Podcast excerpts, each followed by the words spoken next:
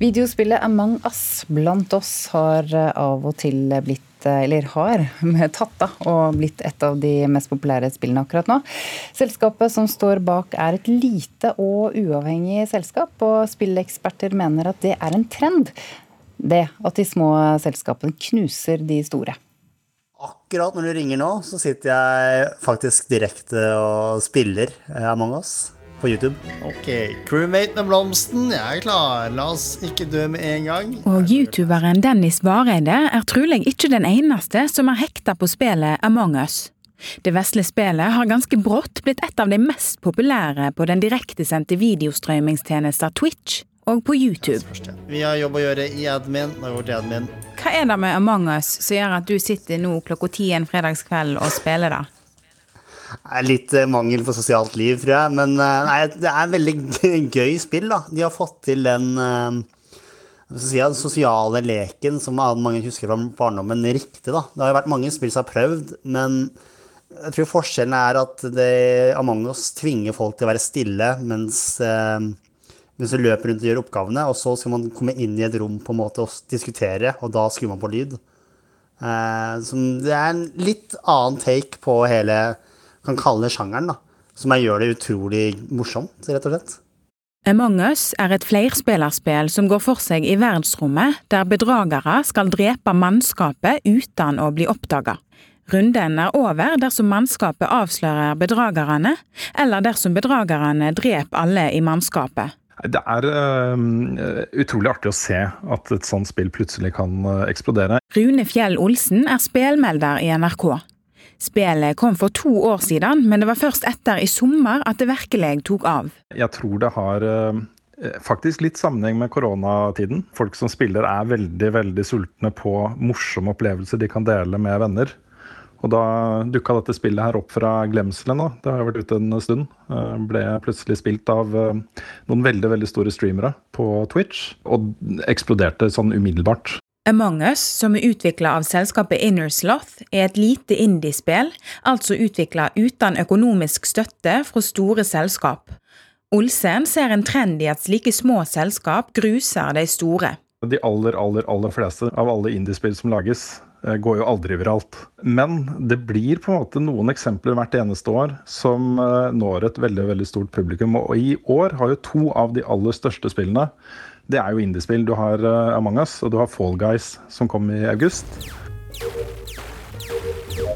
Så sier det også litt om bredden i spillmediet nå. Jeg, jeg, tror at uh, flere og flere aksepterer uh, spill litt utenfor allfarvei. Det trenger ikke være liksom Fifa eller Call of Duty eller Warcraft eller noen av de store store seriene for at folk blir interesserte. Da.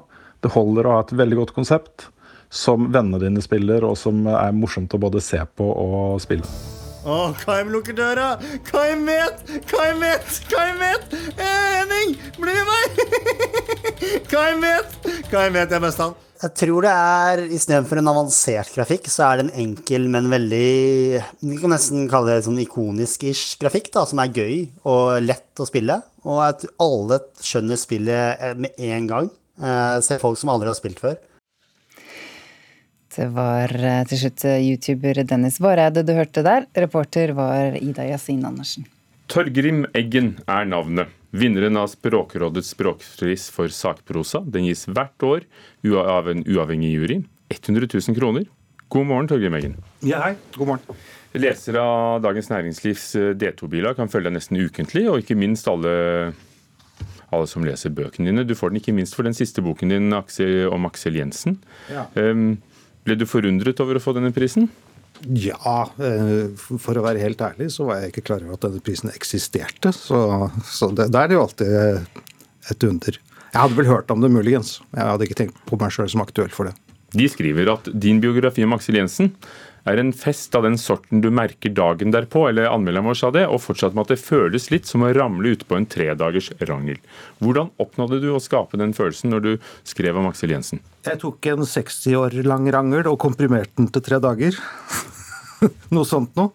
Det er, det, det, det er jo det jobben går ut på. Det er å fordøye informasjon og eh, krystallisere den ut i det som er sentralt, og så tilrettelegge det for, eh, for leseren. da. Sånn at de får lyst til å lese det, da? Sånn at de får lyst til å lese videre. Altså den, den, største, den største triumfen en forfatter kan ha, er egentlig å få leseren til å bla om til neste side. Du har alltid skrevet parallelt, både sakprosa og, og, og skjønnlitteratur? Jeg begynte med journalistikk. Jeg begynte med journalistikk for 40 år siden. Er det fruktbart, det å veksle mellom å dikte og skrive om andres diktning og andre det, ting? Du har skrevet sigarens kulturhistorie, du har skrevet om storbyer, du har skrevet om det er i hvert fall um, fruktbart på den måten at uh, virkeligheten går aldri tom for stoff. Det fins alltid en god historie å hente der ute.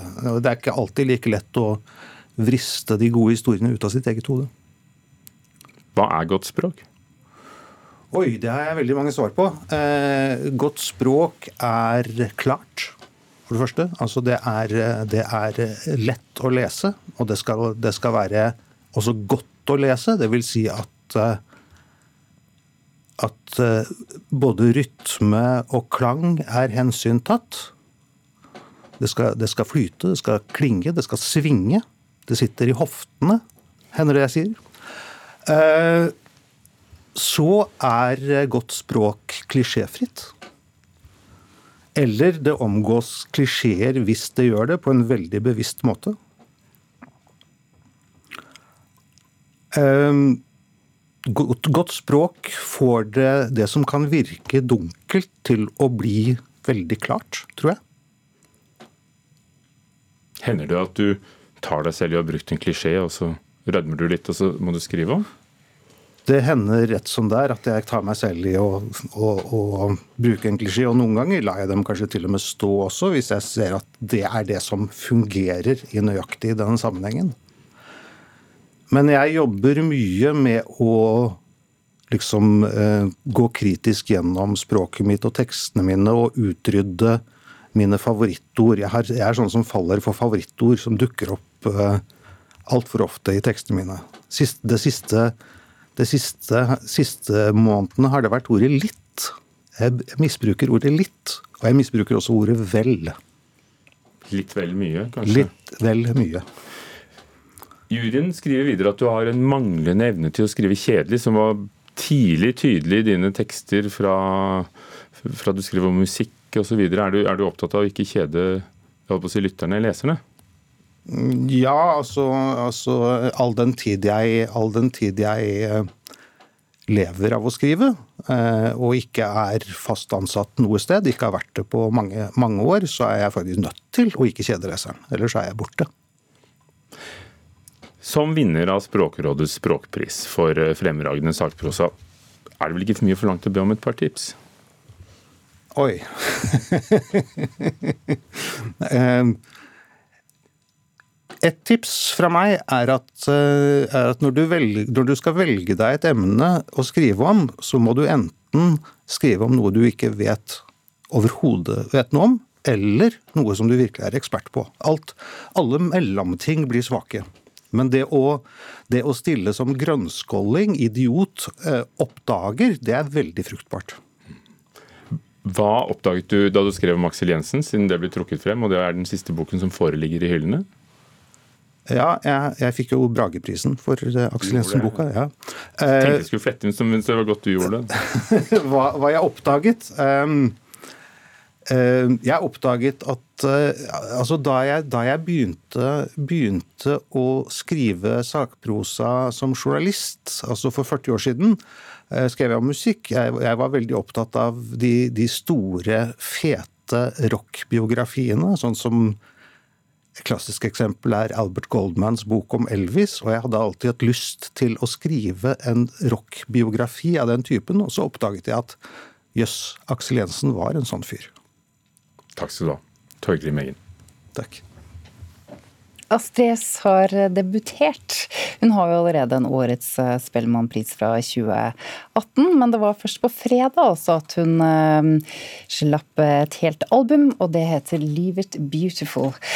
NRKs musikkritiker Espen Borge mener det har blitt et ufarlig popalbum. From everything to nothing at all. From every day to never at all. And everyone says that I should be sad. Is it normal that I don't feel sorry for myself? Care if your hands touch somebody Astrid S slapp sitt debutalbum på fredag, og en mer etterlengtet plate er det lenge siden vi har sett i Norge. Da er det synd at Smerplass første fullengder Leave It Beautiful ikke gir oss mer enn det absolutt forventede. Ifølge Astrid S har tekstene fått mesteparten av fokuset under arbeidet med denne plata, og det kommer til kjenne i åpningslåta Marilyn Monroe, der en mye omdiskutert artist tar eierskap til sitt eget materiale og sin egen karriere. Det er et beundringsverdig grep som fortjener ros. Eh, Dekningen og kritikken mot Astrid S sin karriere har gjort det smertelig klart for meg at medienes og folkets omtale og forventninger til unge kvinnelige popartister er noe voldsomt annerledes enn det er for unge mannlige popartister. Åpningslåta er altså et vellykket, om enn tekstlig enkelt, oppgjør med den urettferdigheten. Don't tell me what I'm gonna do, what I don't. I'm gonna do it the way I want.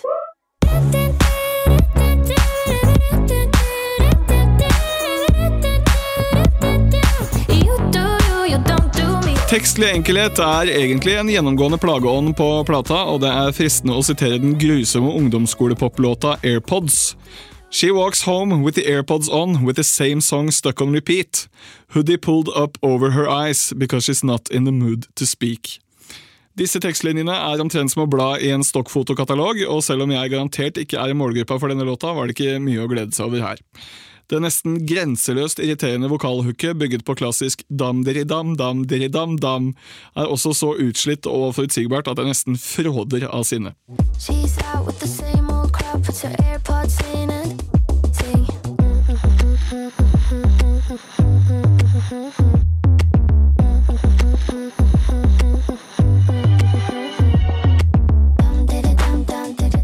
det er sagt, er det ingen tvil om at det befinner seg noen freidige melodiske karameller her. Både Hits Different og Dance Dance Dance er fengende og repeterende nok til å fungere som en ålreit følgesvenn til livets aller mest problemfrie stunder. Her kommer vi også til eh, kjernen. Jeg tror det er veldig få som oppsøker en elektropop-plate som denne for å filosofere over livets eh, eksistensielle utfordringer. Det er ingen som forventer litterære krumspring à la Joni Mitchell og Bob Dylan av en Astrid S-plate, og da syns jeg det er best å være ærlig med seg sjøl. Leave It Beautiful er en meget lettdrikkelig og forutsigbar popplate som delvis innfrir på melodi og godt produksjonshåndverk. Man må ta dette verket for det det er, og det det er, er nok et fullgodt grep rundt den allerede oppvridde svampen vi kaller norsk elektropop. På tide noen innoverer litt innen denne sjangeren her til lands også, for nå begynner jeg å bli grådig lei av å høre den samme formelen om igjen og om igjen.